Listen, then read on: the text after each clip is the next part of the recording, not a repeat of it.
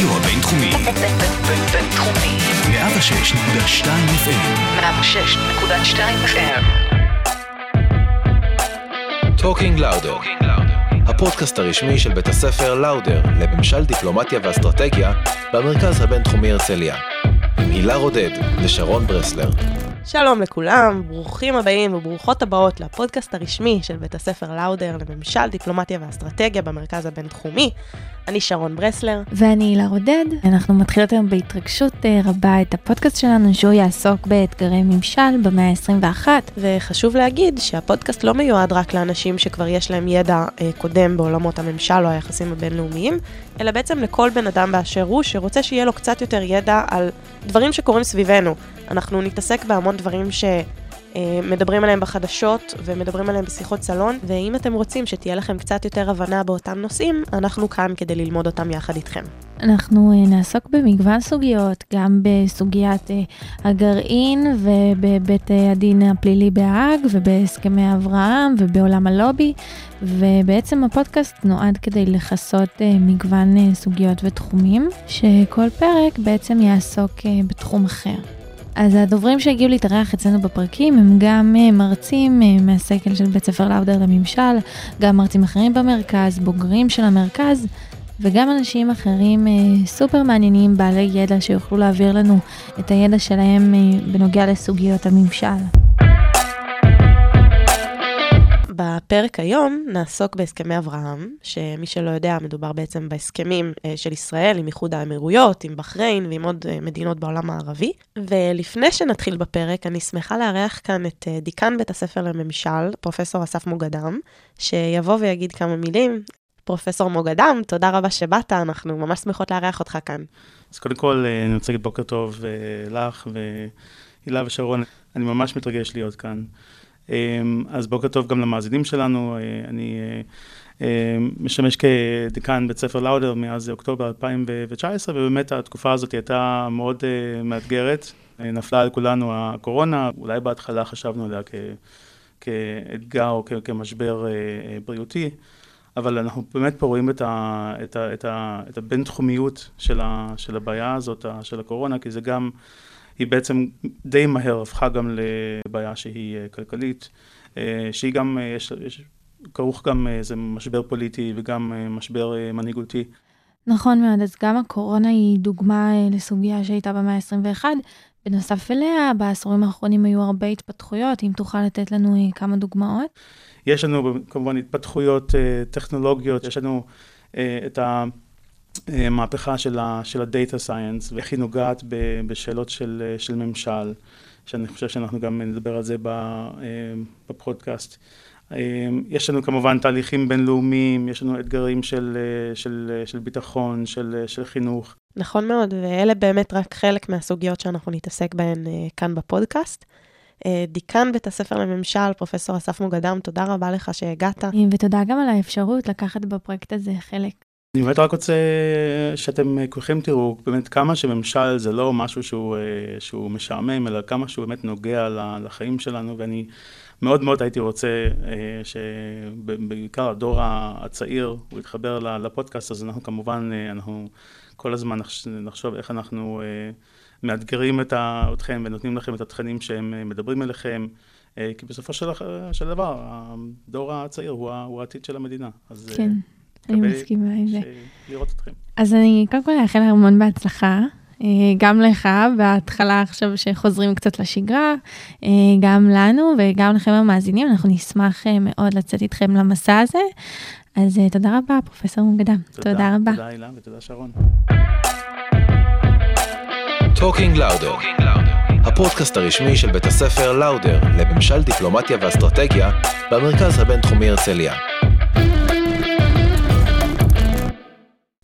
ועכשיו בעצם נתחיל בפרק הראשון שלנו, שכמו שאמרנו בהתחלה, מתעסק בהסכמי אברהם, שהם בעצם ההסכמים עם איחוד האמירויות, עם בחריין, מה שאנחנו שומעים כל הזמן בתקופה האחרונה בחדשות. וכדי לדון בנושא וללמוד אותו קצת יותר לעומק, אנחנו שמחות לארח כאן היום את דוקטור יוסי מן. דוקטור יוסי מן הוא ראש החטיבה למזרח תיכון במרכז הבינתחומי, והוא גם ראש מחלקת מזרח תיכון באוניברסיטת בר אילן. הוא חוקר בתחום ערב הסעודית, המפרציות ותחום הנפט. גילוי נאות, גם אני וגם הילה למדנו כבר אצל אה, דוקטור מן אה, לפני סמסטר אחד, למדנו קורס של מזרח תיכון, וכתוצאה מההתאהבות הגדולה בתחום, שתינו החלטנו גם. אה, אה, לקחת את אה, חטיבת המזרח תיכון שנה הבאה, אה, בשנה ג', שבעצם יוסי עומד בראשה. אז אה, ככה, אחרי שהורדנו את זה מה... מהלב, אפשר אה, להתחיל. היי יוסי, מה שלומך? אהלן, מה נשמע? תודה רבה על האירוח, איזה כיף לבוא לפה. כיף ממש שבאת. אז בתור התחלה אנחנו נשמח אה, לשמוע למה ההסכם הזה שנחתם לאחרונה בין מדינת ישראל לאיחוד האמירויות למדינות נוספות, מה הופך אותו להסכם כל כך משמעותי? אז ההסכמים האלה בבסיס שלהם, כמו שאתן אה, אומרות, הם בעצם פעם ראשונה הכרה ברורה במדינת ישראל עם כל המשמעויות שלה. כי הרבה פעמים במשך השנים ניסו ככה לאפיין את היחסים בין ישראל לעולם הערבי. ויש לנו כל מיני סגנונות. זאת אומרת, יש לנו מדינות שממש לא רצו לדבר איתנו. ויש לנו מדברות, מדינות שככה דיברו, אבל בדרך צד שלישי, או בהיחווה. ויש לנו מדינות שאנחנו לא חתמנו איתן הסכם שלום, אבל אין לזה באמת אה, משמעות. פעם ראשונה שיש לנו הסכם ברור שמתקדם בקצב מאוד מאוד מהיר, בלי כל המחסומים שהיה לנו אה, קודם, שגרירויות, הסכמים, מעבר פתוח, כל מה שחלמנו עליהם במשך, במשך המון המון שנים מהקמת מדינת ישראל, לגבי היחסים שלנו עם השכנים שלנו. וזה ההישג באמת הכי גדול, ומראה על הבשלות העצומה שהגענו כדי להגיע לדבר הזה. ובעצם איזה מדינות אז שייכות לדבר הזה? אני יודעת שאנחנו כל הזמן שומעים על אה, איחוד האמירויות, וכמו שאמרתי, דובאי ועניינים. איזה עוד מדינות שייכות לכל הסיפור? אז אנחנו חתמנו בעצם על, על כמה הסכמים. אנחנו חתמנו באמת על איחוד, עם איחוד האמירויות, ותמיד אנחנו שוכחים את בחריין, שהיא מדינה מקסימה ומעניינת ומרתקת ומאוד מאוד חשובה. ומהצד השני של ה, מה שנקרא המזרח תיכון בצפון אפריקה, אנחנו מדברים על מרוקו, וכל אחת בעצם, אפשר להגיד, פותחת לנו צוהר לעולם, לעולם חדש. במסגרת הזו אנחנו גם לאט לאט מתקדמים עם אומן, וכשאנחנו מסתכלים על המפה, אנחנו בעצם רואים לאט לאט גושים שמתהווים עם גושים, שמתחילים לדבר עם ישראל, וכל הדברים האלה בדרך כלל גם מקרינים.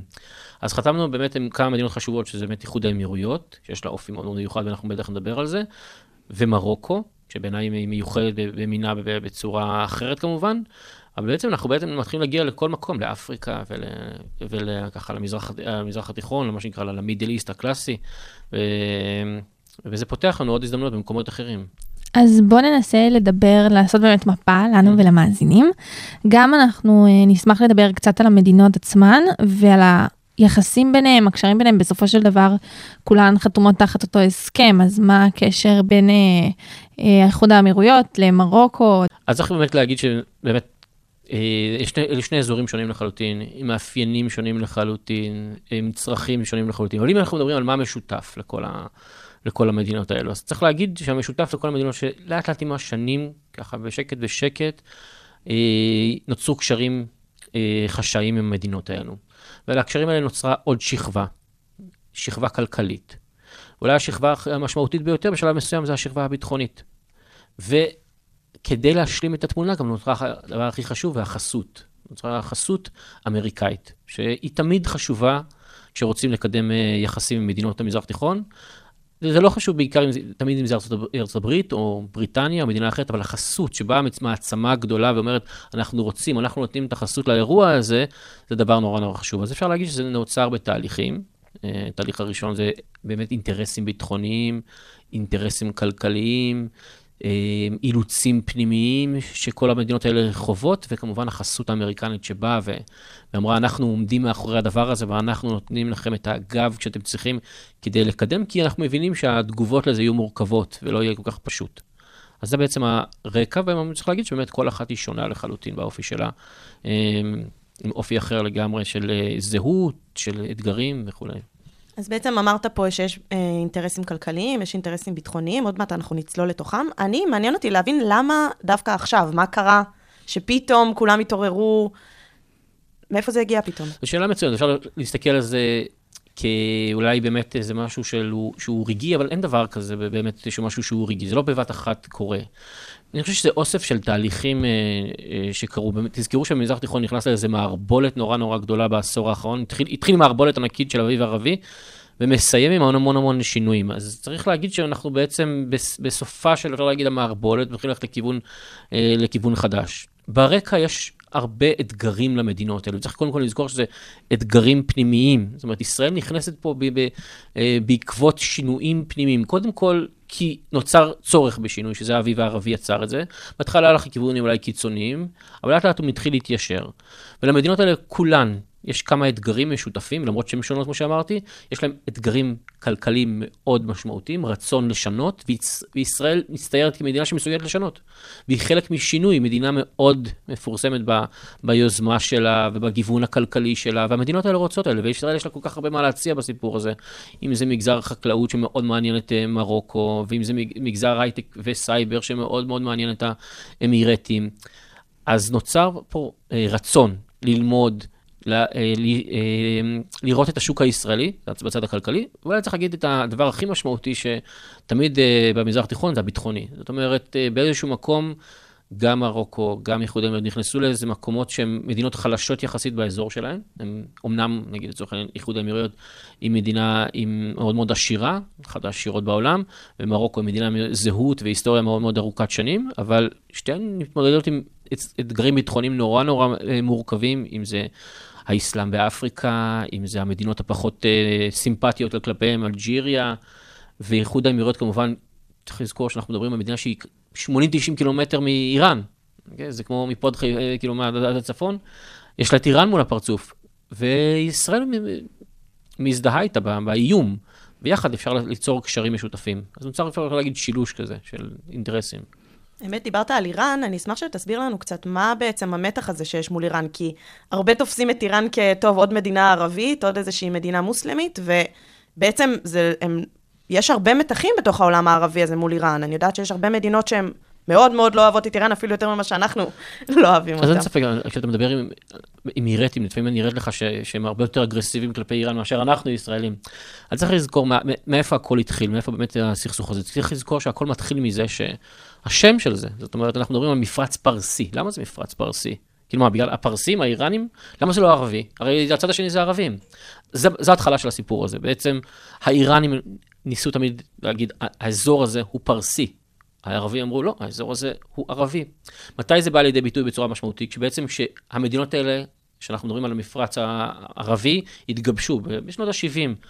סעודיה התגבשה קודם לזה, אבל קודם לכן, אבל איחוד האמירויות, קטאר, אפשר להגיד כווית קצת לפני, בחריין, אומן, אלה מדינות שהתגבשו בשנות, בתחילת שנות ה-70.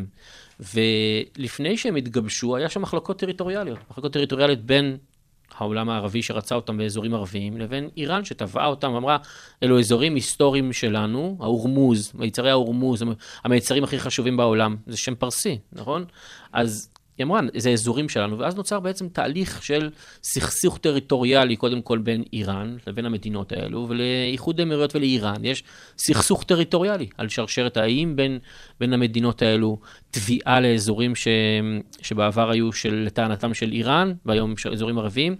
אז התחיל כסכסוך טריטוריאלי, הפך לת, לסכסוך דתי בחלק מהמקומות, שיעה סונה, למרות שבאיחוד האמירויות יש גם שיעים, גם בבחריין יש שיעים, אבל זה הפך אחר כך עם צביון דתי.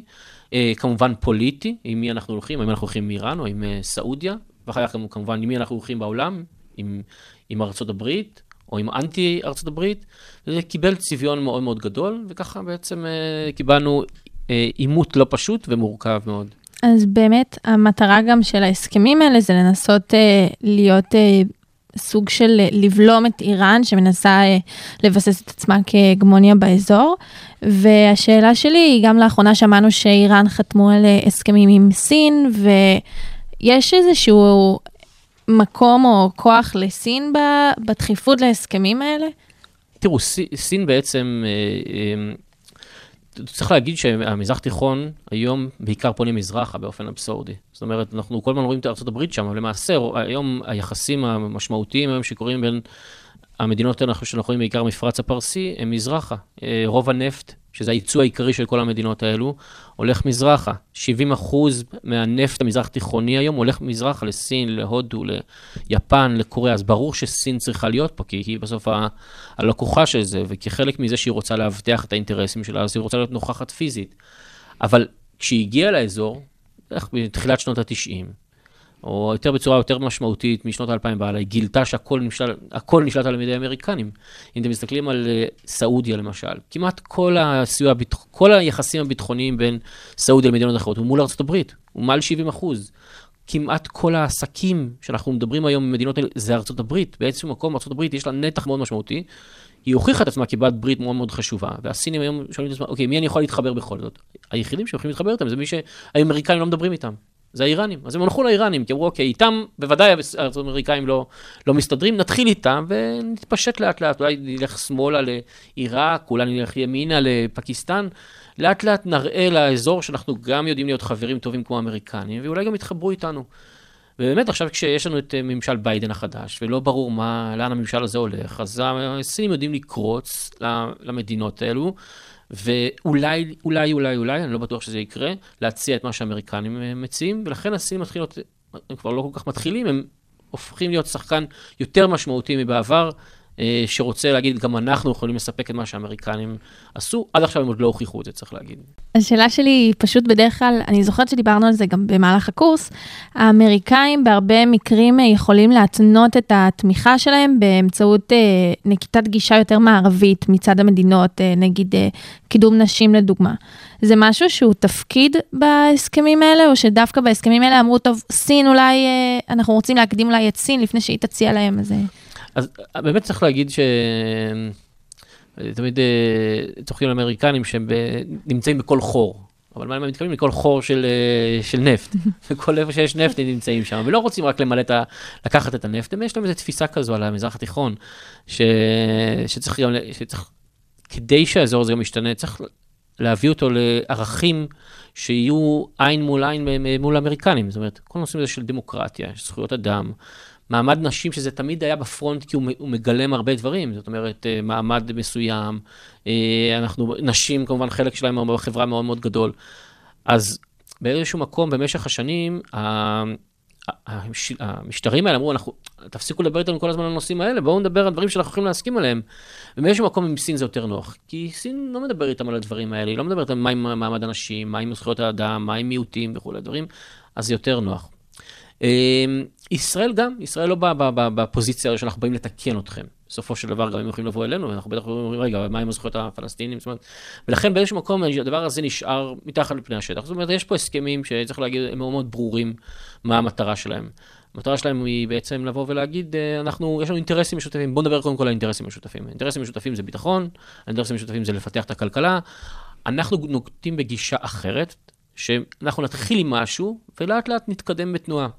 וזה בכלל תפיסה של המפרץ הערבי, במשך שנים אמרו, אנחנו בעצם האחיות הבכורות והבוגרות והעשירות של הפלסטינים, אנחנו נוביל והם יבואו אחרינו. כי לדעתן, וזה במשך כל השנים האלה, הפלסטינים לא מסוגלים לקבל החלטה, זו אמירה של הסעודים, ולכן אנחנו צריכים להוביל. אנחנו, המדינות העשירות, הבוגרות, המערביות, אנחנו צריכות להוביל את העסק הזה, ואם אנחנו נתחיל, יצטרפו. וזה חלק מהתפיסה. אז אנחנו לא כרגע שופטים אחד את השני, על כל אחד על ההיסטוריה שלו, אנחנו מתקדמים בתנועה. באופן כללי זה פשוט, אה, מה שאתה אומר כאן, זה שזה חלק ממשחק הרבה הרבה הרבה יותר גדול מאשר רק ישראל מול המדינות האלה. כאילו, אנחנו בעצם מרגיש שאנחנו קצת איזשהו פיון במשחק אה, של האמריקאים מול הסינים, ושל אה, איראן, ודברים שהם קצת מעבר. זה מעניין, כאילו, זאת אומרת, אנחנו מסתכלים על זה תמיד במיקרו, זה מה שאתה שומע גם בדרך כלל בתקשורת עכשיו, אבל בפועל הדברים הם בעצם הרבה הרבה יותר רחבים, אז זו נקודה ממש מעניינת למחשבה, תודה על זה. Uh, האמת שאני אשמח גם לחזור uh, קצת לעניין של המיקרו. התחושה היא שכאילו ביום אחד פתאום הפכנו להיות החברים הכי טובים של איחוד האמירויות, הם אוהבים אותנו, אנחנו אוהבים אותם, חיבוקים נשוקים. והייתי, זה מרגיש כאילו יש כבר איזשהו קשר. יש איזשהו חיבור, יש איזה שהם נקודות השקה בין ישראל לאיחוד האמירויות שאולי פספסנו? נכון, זה, זה באמת חלק ממשחק הרבה יותר גדול מרחב של, של קודם כל עניינים פנימיים שלהם. זאת אומרת, יש רצון ללכת למדינה, תסתכלו על ישראל, יש רצון ללכת למדינה שהיא מדהימה, באמת, נתחיל לספור ציונות, ו... אבל יש פה מדינה מגוונת מאוד, רב תרבות, למרות שאנחנו ככה כאילו כועסים על הרב תרבותיות, אבל זה מה שיפה בה. גם, גם איחוד האמירויות היא מדינה סופר רב תרבותית, תחשבו כמה אנשים יש שם שהם זרים. יש שם הודים ופקיסטנים ומלזים וערבים ול, ולבנונים ופרסים ושים, הכל יש שם. ישראל אומנם לא רק זו, אבל, אבל לא כל כך אה, רב-לאומי, ויש בה כל כך הרבה אנשים מכל כך הרבה מקומות, והיא רב-תרבותית, ויש בה ייחודיות נורא נורא יפה, חילונים, דתיים, חרדים, ערבים, הכל, ו- ו- וחיים בסופו של דבר בדמוקרטיה, תחת משחק אה, די ברור. אז יש פה משהו שאפשר ללמוד מישראל, על מערכת מאוד מאוד יפה, שמזינה את עצמה ומייצרת כלכלה מאוד מאוד יפה, ומייצרת ביטחון. זאת אומרת, מעצמה עולמית שלא מפחדת לתקוף, לתקוף באיראן, שהיא אומרת, היא עומדת על הרגליים ואומרת, אנחנו לא נסכים. וזו הדוגמה שאיחוד האמירויות הייתה רוצה לראות לעצמה. בסופו של דבר, אם אנחנו מוסיפים את העובדים הזרים, אנחנו נראים אותו דבר. אם אנחנו מסתכלים על ישראל, 9 מיליון, איחוד האמירויות יחד עם העובדים הזרים, 9 מיליון. אז נכון שהרבה מהם זה לא, שכמעט 86% מהם הם לא, הם, הם לא מקומיים, הם, הם זרים, אבל שתי המדינות האלה מרגישות אותם צרכים מאוד מתקדמות, מאוד רוצות לשנות, מאוד בקדמה העולמית, וזה מחבר נורא. זאת אומרת, והאיחוד האמירויות, אתה רוצה לראות איך, איך עושים את זה יותר טוב, איך עושים את הביטחון יותר טוב, איך עושים את הכלכלה יותר טוב. ואני חושב שזה משהו שישראל מביאה לשולחן. אגב, היחסים שלנו עם אה, האמירויות, נראה שהם מאוד שונים בנוף אה, של אה, יחסי מדינת ישראל עם מדינות ערביות אחרות. אמנם יש לנו הסכמי שלום גם עם מצרים וגם עם ירדן, אבל עם האמירויות הם הרבה יותר חמים, עם המדינות האחרות הם הרבה יותר פורמליים. מסכים, נכון, זה, זה, זה מה שיפה בדבר הזה, זאת אומרת, ושוב, צריך לראות את זה בפרספקטיבה של שנים, אה, אבל, אבל כן, יש לנו יחסים מאוד מאוד מהירים איתם, כי צריך גם להבין שזה באמת מדינה אחרת, זאת אומרת, סופר מערבית, ועם אה, עם, עם, עם, ניסיון בינלאומי, ועסקי נורא, ומאוד מפותחת. והיא מכירה זרים, זאת אומרת, כל התרבות שלה מאז ומעולם, מהרגע שהיא הוקמה, לא עכשיו, בשנים האחרונות, היא מבוססת על כניסה של זרים, שבחיכוך עם המקומיים. אז אני חושב שאנחנו נמצא הרבה יותר אה, משהו משותף עם האמירטים, כי הם באמת הרבה יותר אה, משהו באמצע כזה, קצת כמו הישראלים, גם בין, משהו בין מזרח לבין מערב, ולכן אה, זה נראה הרבה יותר טבעי לנו. אבל שוב, אנחנו רק שנה ברומן הזה, ואתם יודעים, אה, רומנים יכולים להתחיל ב-C, ואתם יודעים, לפעמים ייגמר במפח נפש. כן, אין אה, ספק. אני מחזירה אותנו רגע לתחום הביטחוני. היו לנו הרי כבר קשרים עם איחוד האמירויות, ואני מניחה שגם עם המדינות האחרות, קשרים יותר מתחת לפני השטח, בעיקר בתחום הביטחון. אז מה בעצם המשמעות האמיתית של להפוך את זה לפומבי? אני חושב שזו שאלה מצוינת, כי... זו שאלה מצוינת, כי אנשים מצפים שאנחנו מחר, אנחנו נראה פה אה, עסקאות ענק, אבל מה שצריך להגיד, הם כבר חלק, הם די מגולמות. ישראל מייצאת בשקט כבר המון המון שנים ידע ונשק למדינות האלו. Okay, ומי שצריך להגיע למפרץ המפרץ הפרסי, כולל סעודיה, כבר הגיע. אם מישהו רוצה למכור משהו, אם יש למישהו משהו טוב, הוא כבר מכר אותו. אבל אני רוצה להגיד לכם, דווקא פה הציבור הסטודנטיאלי, משהו נורא נורא מקסים. זאת אומרת, אם היית פעם צריך להרים עכשיו, אה, לעשות עסקה מול איחוד האמירויות, היית צריך לעשות צד, צד שלישי ולהתחזות ולהגיד, לא, אנחנו חברה בריטית, ולהסתיר את הצד הישראלי. היום אתה מתקשר ואומר, שלום, אני מישראל, אני רוצה לעשות איתכם עסקים. הכי פשוט שזה, זה ההישג הענק, הפשטות שבזה. או עליכם, תחשבו, יש, אני אומר לכם, יש פה כבר סטודנטים שאני מכיר אותם, שעברו לאיחוד האמירויות. הולכים לעשות תואר שני באיחוד האמירויות, לא יודעים, אתם יודעים, ב- בדירוג, אוקיי, הלכו לעשות תואר שני, לא אתם יודעים, יש להם, אה, אה, יש להם אוניברסיטאות ממש טובות באבו דאבי, אנחנו מדברים על דירוג האוניברסיטאות הישראליות, אז באבו דאבי יש, ב-200 הראשונות בעולם, יש אוניברסיטאות, אולי נראה גם פה אה, אמירתים בין קודם כל, תחומים. אני בטוח שזה יכול שכן. להיות מגניב, אני וגם אה, עשית שכן. חשק עכשיו לבדוק את הסיפור הזה. נכון, נכון, אני בטוח שכן, אני ממליץ בחום. תחשבו, השפה היא אנגלית, במיוחד חטיבת מזרח תיכון, נכון? במקומות אחרים בעולם, כשלומדים מזרח תיכון, אז עושים איזה פרקטיקום כזה, הולכים ללמד במדינה ערבית אנגלית, בסדר? אז רוכשים גם את השפה. תחשבו לכם על החוויה הזו שאתם יכולים לעבור למדינה, לעשות סמסטר בחו"ל, לקלוט ערבית, נכון? ולחזור כאילו עם איזשהו פרקטיקום. זה משהו שלא היה לנו, וזו מדינה סופר כיפית, והיא כמו ככה הרצליה, אה, תל אביב כזה בחלקיה. ואני חושב שזה משהו, ש... זה ההישג הגדול, שפתאום בבת אחת, ביום אחד, כל, הק... כל החומות נעלמו, אנחנו לא צריכים יותר להסתתר, אנחנו יכולים מחר ללכת ללמוד שם. דווקא, אני לא מסתכל על הצד הביטחוני, אני מסתכל על הפשטות שבדברים האלה. תרבותי תיירות, בעצם. תרבותי, נכון, אתם יודעים, איחוד האמירויות מחפשת המון השקעות בתרבות, כי בגלל ההיעדר זהות שלה, בגלל שיש בה כל כך הרבה עובדים זרים, אז מה היא? זאת אומרת, מה מייחד אותה? במה היא שונה? אז משקיעים המון, המון בקולנוע, ובמוזיאונים, ובתערוכות. זו הסיבה שיש שם המון המון תערוכות, כדי, וזה, וזה משהו מקסים, ישראלים יכולים לעשות שם, במיוחד העולם התרבותי הישראלי שנורא מתפתח, יכולים למצוא שם פרטנרים נהדרים ליצירת אה, דברים משותפים. זה הדברים שיותר מעניינים, לפחות אותי, ואני חושב שאחרים, תיירות אסלאמית שתגיע לפה, תיירות לשם, זה הרבה יותר מעניין מהביטחוני. כי ביטחוני זה רק, זה כבר אפשר להגיד קצת ישן, אנחנו רוצים את הדברים החדשים, וזה ההישג היפה של ההסכם הזה. אז מה המקום של אה, המדינות האחרות, אם הן באמת מאוד שונות מאיחוד האמירויות, אני מניחה שגם מבחינה תרבותית, איפה אנחנו, אנחנו צפויים לטוס אה, לבחריין, לקטר, כאילו? אה, אני חושב שכל מדינה, זה מה שיפה, ב... אולי ככה נגיד, אנחנו מדברים על גוש של מדינות שהן נראות נורא נורא דומות. אני מדבר על המדינות הערביות, שזה אומן, איחוד האמירויות, אה, קטר, בחריין, כווית, שאנחנו קצת אה, מפספסים, וסעודיה. על פניו, כולם די נראות אותו דבר, ובאמת יש סיבות שהם יראו אותו דבר. הן כולן מבוססות אה, בעיקרון על נפט, הן אפילו מאותן משפחות שבטיות, מחצי האי ערב, בתי המלוכה סונים, המש... השלטון הוא בעיקרו, חוץ מאיחוד האמירויות, מלוכני, הן נורא נורא דומות, יש להם הרבה אתגרים, איראן ועובדים זרים, סופר דומות, ולכן כל אחת מהן לקחה איזשהו, איזשהו טוויסט, כלומר, אוקיי, אנחנו נשים דגש על משהו מסוים, למשל איחוד האמירויות שמה דגש על הכלכלי, מאוד מאוד על הכלכלי, בח... אה, בחריין מאוד שמה דגש על, ה... על, ה... על, הש... על מפגש שיעה סונה, על. על הבנקאות האסלאמית, מדינה שהיא יותר בנקאית ופחות uh, מבוססת uh, uh, uh, נפט. כווית מדברת על דמוקרטיה, מעמד נשים מאוד מאוד uh, חזק, פרלמנט uh, uh, חזק מאוד. קטר מדברת על זה שהיא, אין מישהו שלא שמע על קטר, נכון? כאילו כל, על האפשרות הזו שמדינה קטנטונת יכולה לעצב את כל השיח העולמי. אל-ג'זירה, אני לא צריך להגיד פה, אנחנו פה בתקשורת, אל-ג'זירה עשתה בית ספר לתקשורת לכל העולם, נכון? איך אפשר באמצעות תקשורת להשפיע על ההמונים, להזיז את ההמונים. אז זה מה שכל אחת מהם לקחה, כל אחת מהם לקחה איזושהי זווית מאוד מאוד ייחודית. ופה זה מה שיפה, אנחנו, אנחנו כישראלים יכולים ליהנות הרבה יותר, כי בסופו של דבר המדינות האלו, לצערנו, כרגע מייצאות דבר אחד, בעיקר אנרגיה, בעיקר נפט, גז, ואנחנו כישראלים יש לנו כל כך הרבה מה להציע, נכון? כי אנחנו, אנחנו גם בסייבר וגם בחקלאות וגם, ב, וגם בנשק וגם ב, ב, ב, באומנות, הכל. וזה מה שיפה בישראל, שהיא יכולה להציע היום למפרץ הערבי כל כך הרבה, להתאים כל, לכל מדינה את מה, שהיא, את מה שהיא צריכה. אז המדינות האלה מאוד מאוד שונות, ואנחנו, הולכים- ואנחנו נפגוש את ה, באמת את השוני שלהם, וצריך לשים לב שאנחנו מדברים על מדינות שונות, עם שוני ייחודי, ולמרות שאנחנו ככה קצת אה, מתבלבלים בהם, צריך קצת באמת לעשות קצת שיעורי בית, אה, לפני שאנחנו פוגשים אותם, כי כרגע אנחנו רק חשופים לייחוד מדינות שהיא קצת מקרה שונה, היא, היא, שונה, היא הרבה יותר אה, פתוחה, האחרות הן יותר שמרניות, עם, עם יותר אתגרים, פחות עשירות חלקן, אה, עם אומן, בחריין פחות עשירות, אבל הן מאוד מאוד מעניינות גם, אה, גם כן. ויש עוד מדינה מאוד מאוד גדולה שם אה, באזור שאנחנו לא יכולים להתעלם ממנה, אז אה, מה הלו"ז עם סעודיה? תראו, סעודיה זה הסיפור האמיתי, זה כאילו היהלום שבכתר, אפשר להגיד.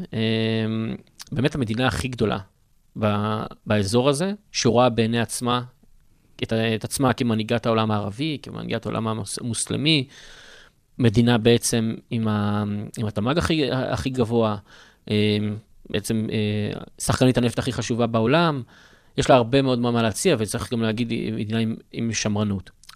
מכיוון שזו האחות הגדולה, אתם, אתם יודעים, זה החיזור הכי גדול.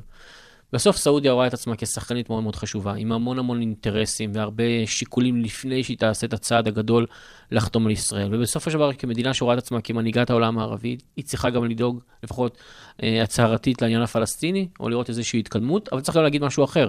אני חושב שהסעודים לקחו כמה צעדים אחורה, כשהם לא... כשהם, הם לא יהיו, לא הבטיחו לעצמם את מה שהם היו צריכים, זה הביטחון של סעודיה, וברגע שממשל ביידן עוד לא אומר בדיוק מה היחסים שלו עם סעודיה, ויותר מזה, תוקף את סעודיה על מה שהיא עושה בתימן, ומחזיר אותה לסיפור של העיתונאי ה- הסעודי Mhm. שנ- שנרצח, אז הסעודים מאוד לא, לא מרוצים מזה, והברוגל שלהם בא לידי ביטוי תמיד אה, מול היחסים מול ישראל. אז סעודיה היא ממש ככה רגע לפני, אבל צריך לזכור שהמדינה הזו עוברת שינויים עצומים, מהפכניים ממש. זאת אומרת, אה, כל הנושא הזה של מעמד הנשים, היא הייתה תמיד במקום הכי גרוע באזור הזה, היא הכי לא דמוקרטית, היא עדיין מונרכיה אבסולוטית.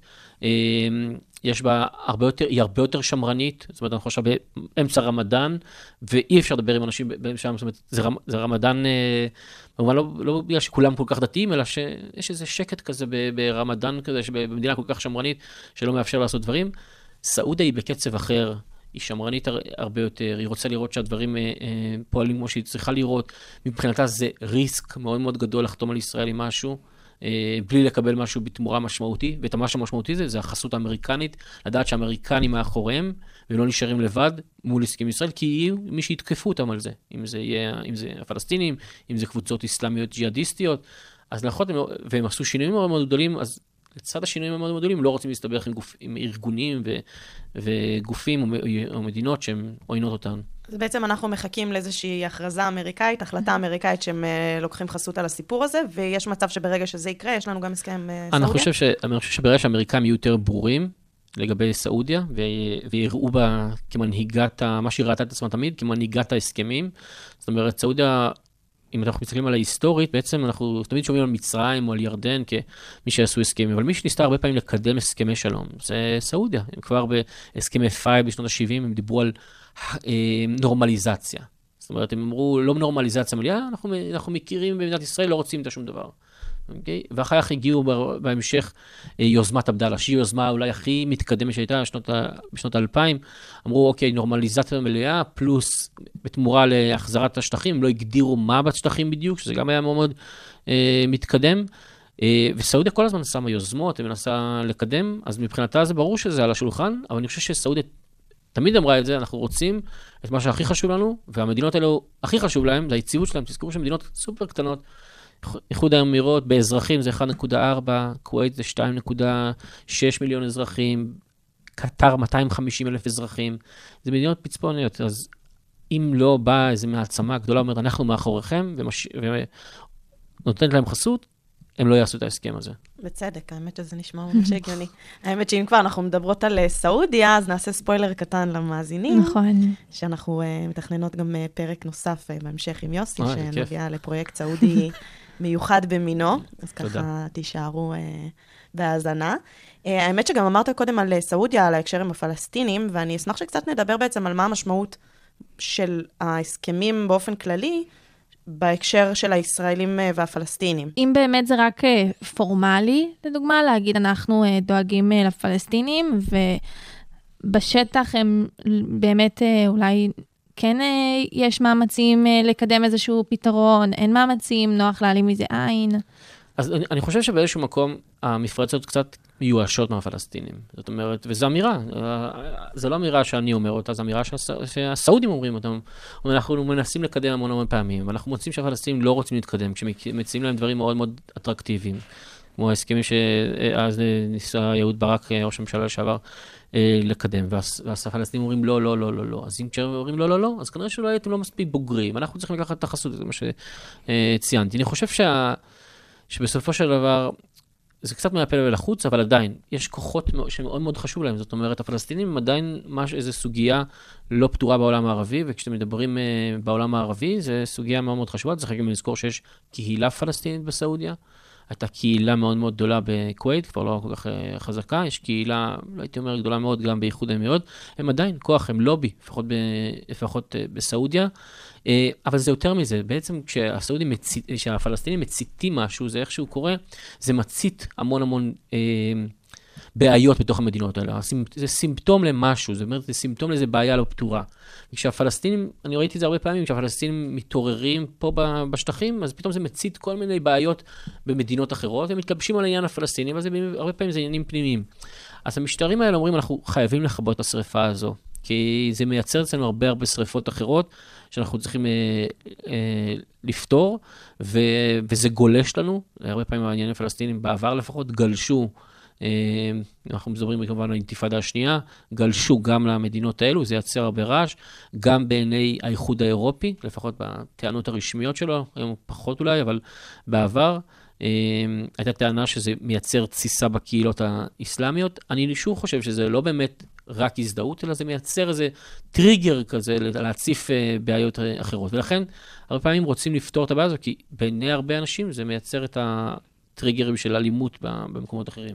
ובנושא אחר, לאחרונה אנחנו שומעים הרבה דיווחים על סוג של אה, מלחמה ימית באזור אה, הים הפרסי. החשיבות של ההסכמים האלה, זה מקרי, נניח שעכשיו פתאום זה עולה, שיש לנו את הגיבוי אולי, אה, או סוג של אה, ביטחון ערובה שיש לנו את המדינות האלה? אני רואה את, זה, את האירועים האלה כאיזושהי אמירה ישראלית למדינות הקטנות האלו, אנחנו, תראו אותנו. זאת אומרת, אולי האמריקאים לא פה, אבל אנחנו מאחוריכם. בסוף, זה אינטרס שלנו, של, של- שלנו כולנו יחד, ככה, אם אני מבין נכון את הדברים, אה, להגיד אמירה מול איראן. וישראל מוכיחה המון המון אומץ בסיפור הזה, כי אני אתן לכם אולי את הדוגמה הכי, הכי בוטה שיש, כי תחשבו, לפני ש, כמעט שנתיים האיראנים תקפו את השדות הנפט בסעודיה, במתקפה שהיא בעיניי אחת הכי חמורות בהיסטוריה הסעודית, אולי החמורה, אה, כי כל כך מתקפה בוטה.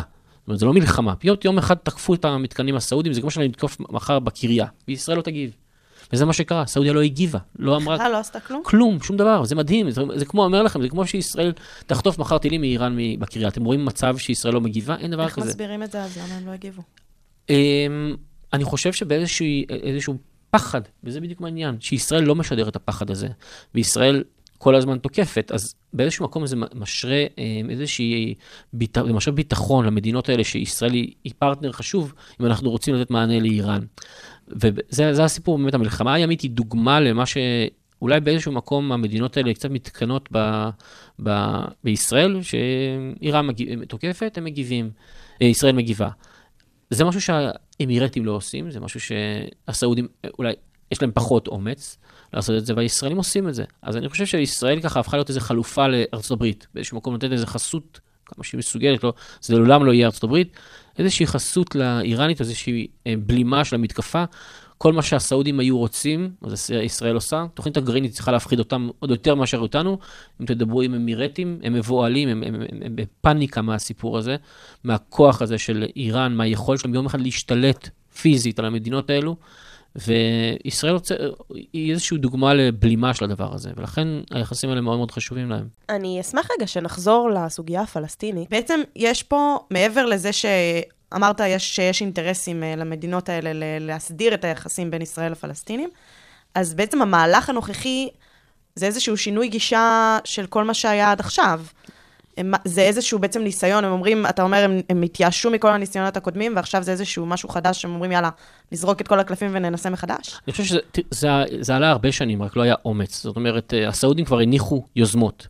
ומה שנקרא, הליגה הערבית דחתה אותם, אמרה, מה, מה, מה אתם עושים? אנחנו לא מוכנים שמדינה אחרת תנהל לנו את העניינים. או בזמנו היה לנו דגם מאוד מאוד בשוש, ש, שישראל מדברת מול הפלסטינים תחת חסות אמריקנית, תחת, תחת חסות אחרת. ופתאום יש דגם אחר שאומר, אנחנו חותמים על הסכמים, אנחנו מתחילים לזוז, אתם רוצים, תצטרפו.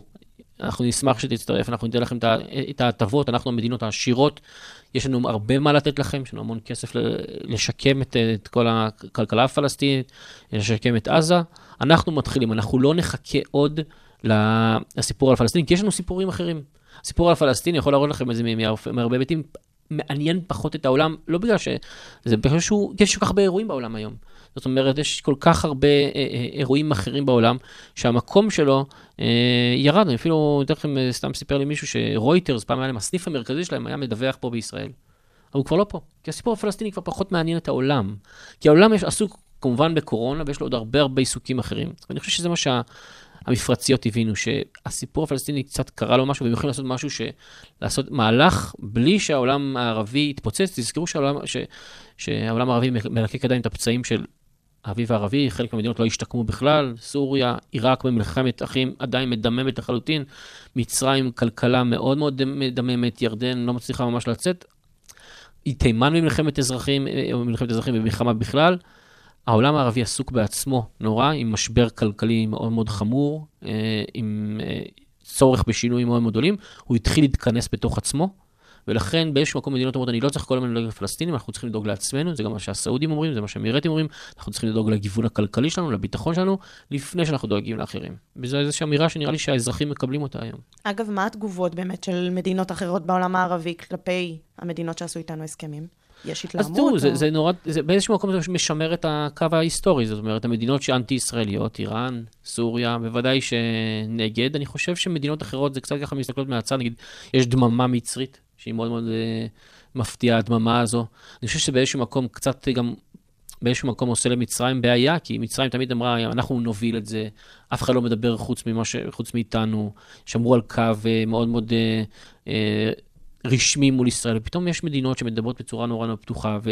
והעסקים נעשים על הגב שלהם, מעליהן, וזה...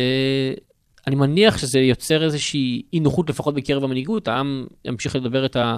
או לפחות רשמית את הטענה הזו שעד שלא יהיה משהו בפלסטינים לא יהיה כלום, אבל אני חושב שדברים זזים במזרח התיכון, אגב, בלי קשר לישראל הם זזים. זאת אומרת, יש פה, אנחנו שכחנו שלפני כמה שנים היה פה אל-קאעידה, ודאעש, נכון? דאעש, אל-קאעידה, כל ה... עכשיו באפריקה. נכון, אבל באיזשהו מקום זה נעלם. זאת אומרת, זה לא נעלם לגמרי, אבל יש איזה תהליך הבראה גם של האסלאם המזרח תיכוני, שהוא רוצה אסלאם יותר מתון, שאנחנו רוצים לדאוג לעצמנו, שהגענו לאיזה שפל היסטורי ב- ב- באביב הערבי, ובאמת אנחנו מרגישים בכל מקום שינוי, שינוי, שינוי. זה ממש, אה, העם מדבר הרבה יותר, אתם צריכים לזכור שהמדינות האלה הן סופר מחוברות הרבה יותר מכם, מה שאתם חושבים, לכל הרשתות החברתיות. באינסטגרם, אנחנו מדברים אינסטגרם, טוויטר, אה, סנאפצ'אט, כל המקומות האלה, אנחנו מדברים על מקומות שנגיד, המפרצת במקום הראשון, נגיד סעודיה לדעתי המצייצת מספר אחת בעולם, אה, אינסטגרם שתיים בעולם, לנפש, הן הרבה יותר חשופות ממה שאנחנו חושבים. אה, לכולם יש אה, סמארטפונים, בניגוד נגיד לצפון אפריקה, שזה לא, לא המצב. אז יש שיח, הם רואים מה קורה. זאת אומרת, ואתם יכולים לראות אותם, ואנחנו, ובסוף כשאנשים רואים, אז הם רוצים להיות ככה, ו... ותזכרו דבר אחד מאוד חשוב, יש המון צעירים במזרח התיכון, הרבה יותר ממקומות אחרים, והצעירים האלה משמעותית אה, רוצים שינוי, זאת אומרת, ניקח את סעודיה שנחזור אליה, אנחנו מדברים על מדינה שמתחת, ש-70% מהאוכלוסייה מתחת לגיל 30. וואו. אז, אז כל המדינה, ניקח את זה, קח את, קחו את M1, שוב, גם מדינה, אנחנו מדברים כמעט על גם 70 אחוז מתחת לגיל 30, אה, איחוד האמירויות, אנחנו מדברים, מדברים על כמעט אה, 80 אחוז מתחת לגיל 45, זה מדינות מאוד צעירות. ואתם יודעים, כמוך, מי כמוכם יודע, צעירים, חשופים, משתנים מהר, רוצים לקלוט הרבה.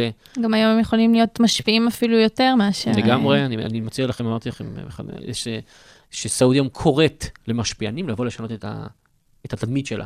אומרת, בואו, משפיענים מכל העולם, בואו, תיקחו חלק בסיפור הזה, להשפיע. אז כן, משפיענים היום זה דבר נורא חזק במדינות האלו, הרצון לש, להשפיע את התדמית של סעודיה, תחשבו על לפני כמה שנים, מה ידענו על סעודיה? מדינה שמפרה זכויות נשים, לא נותנת להם רישיון נהיגה, כל הדברים, הם לא קיימים יותר, אין כבר כל כך מה להשמיץ את סעודיה.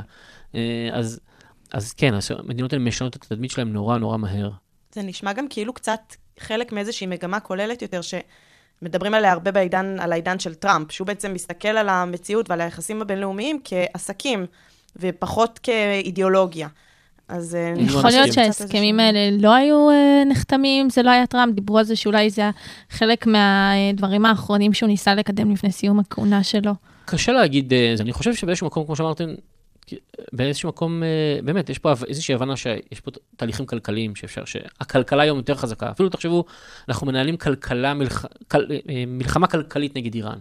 מלחמה כלכלית נגד, חיזבאללה, אנחנו עושים אמברגו על נפט, אנחנו אה, מחרימים חשבונות בנק. העולם הפך להיות מאוד מאוד כלכלי, אנחנו מדברים כלכלי, אנחנו מדברים תקשורת הרבה יותר ממלחמה פיזית.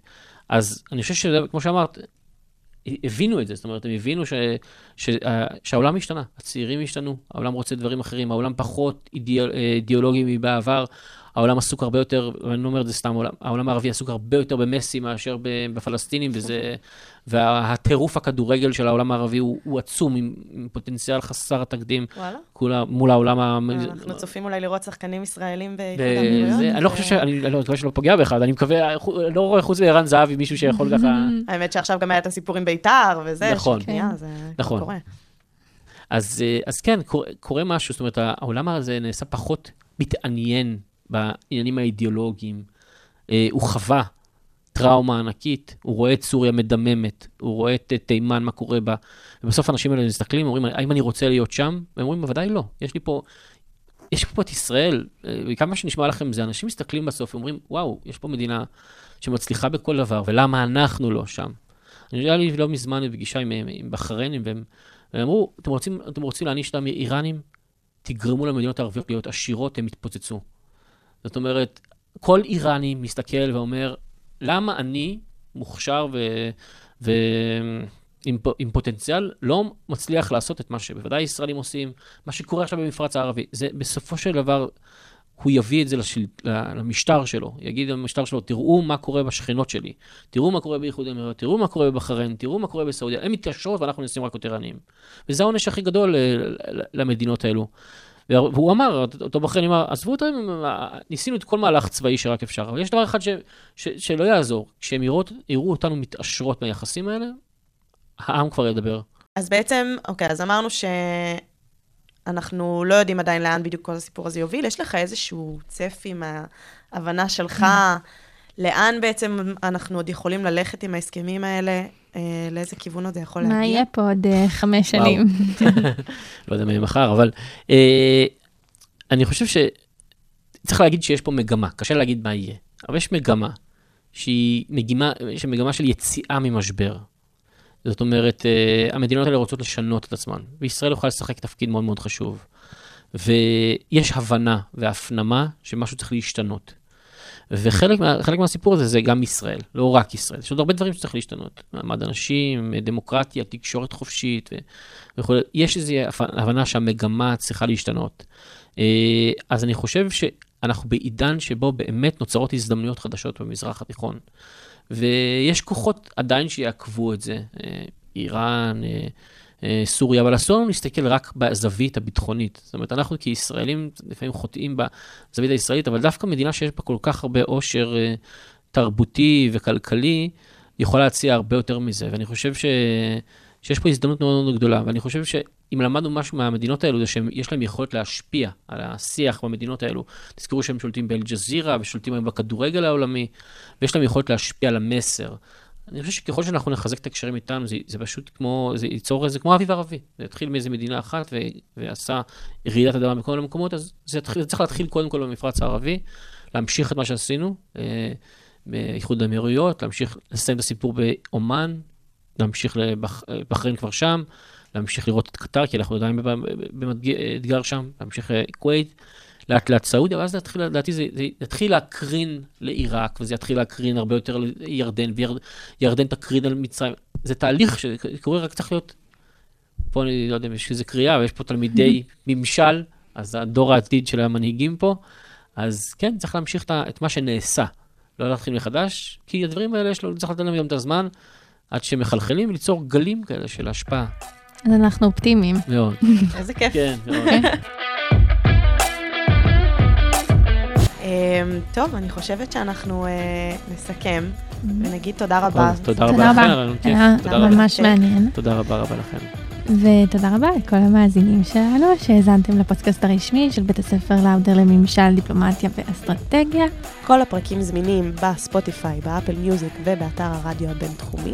אנחנו נתראה בפרק הבא. תודה רבה רבה.